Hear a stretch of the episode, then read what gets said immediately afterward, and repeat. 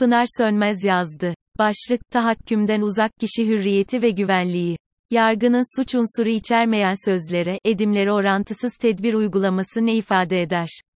Mensubu olduğum Barolar Birliği'nin açıklamasıyla, Avrupa İnsan Hakları Mahkemesi içtihatlarında altı çizildiği üzere, yargı organlarının yalnızca bağımsız ve tarafsız olmaları yeterli değildir, aynı zamanda bağımsız ve tarafsız bir görüntü sergilemeleri ve kamuoyunda da bu güveni oluşturmaları gerekir. Kişi güvenliği ve özgürlüğü hakkı, adil yargılama ilkesiyle bir arada değerlendirilir. Güvenlik içinde yaşama hakkı, hukuk literatüründe kişi hürriyeti ve güvenliği hakkına tekabül eder. Bir insan hakkının varlığı, ancak onun elverişli bir yargısal güvence mekanizması ile uygulamaya geçirilmesi ile anlamlıdır. Yasaların uygulanmasında gerek devlet organları gerek bireyler arasındaki hak ve özgürlük ihlallerinde önemli işleve sahip olan bu ilke, yargısal denetim güvencesidir. Korumaya yönelik usullerin yanında kişi özgürlüğünün güvenceleri arasında hangi ilkeler var? İngiliz hukuku kökenli, habeas corpus'un etkisiyle Fransız hukukuna devrim sonucu giren ve kişi güvenliğinin içeriğini oluşturan, adil yargılanma hakkı, makul süre, suçsuzluk karinesi, suç ve cezaların yasallığı, ceza yasalarının geçmişe yürümemesi, savunma hakları bugün hukukun genel ilkelerini meydana getiriyor. Bir yerde hukuka aykırı kararı ve gerekçeyi görmek, olması gereken hukuk sürecine dair ısrarı gerektirir.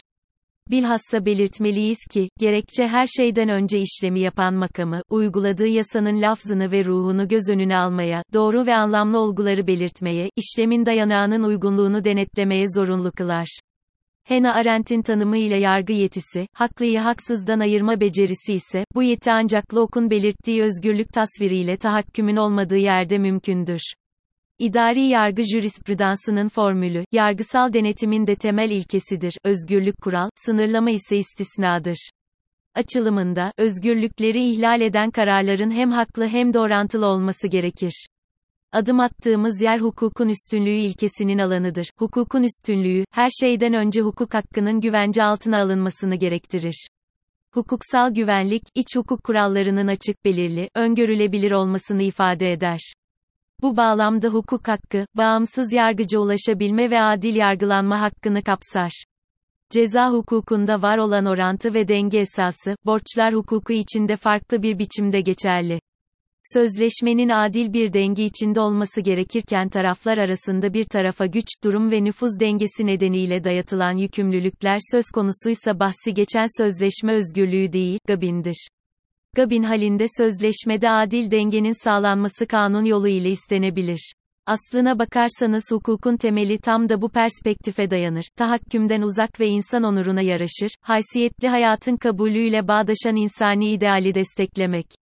Ölçüye giden yol ise yasayla öngörülen ve kamu düzeninin korunması için demokratik bir toplum bakımından zorunlu olan sınırlamaların, hiçbir zaman bir hakkın çekirdeğine dokunamaması ilkesidir.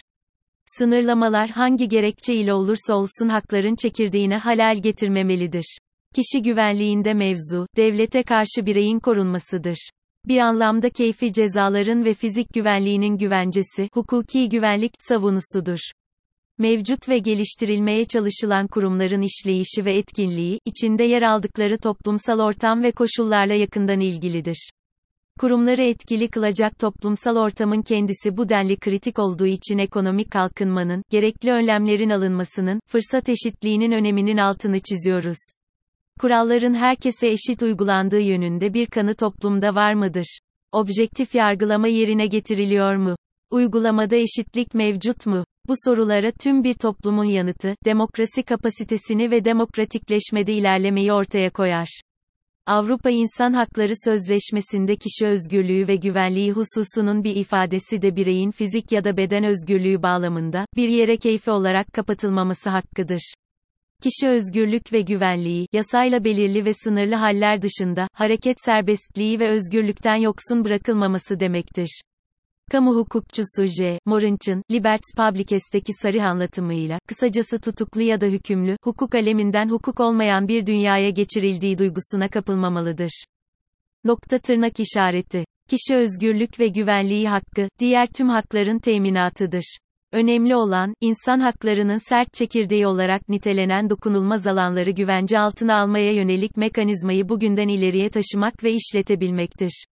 Önemli olan, ceza hukukundan sözleşmeler hukukuna dek orantı ve dengeyi eşitliğe dayalı hakkaniyetle ele almaktır. İnsan hakları dokunulmaz bir maddi ve manevi alanın varlığı ile başlar.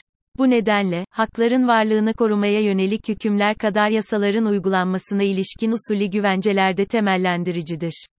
Kişi güvenliği ve özgürlüğü, sadece ceza hukuku ilkeleriyle sınırlı değil. Her gün önümüze gelen fikri mülkiyet ve sanat hukuku sözleşmelerinde gördüğümüz, öncesinde gözettiğimiz sonrasında ise dengelenmesini talep ettiğimiz gabin hali de bu fiili ve hukuka aykırı biçim oluşturur.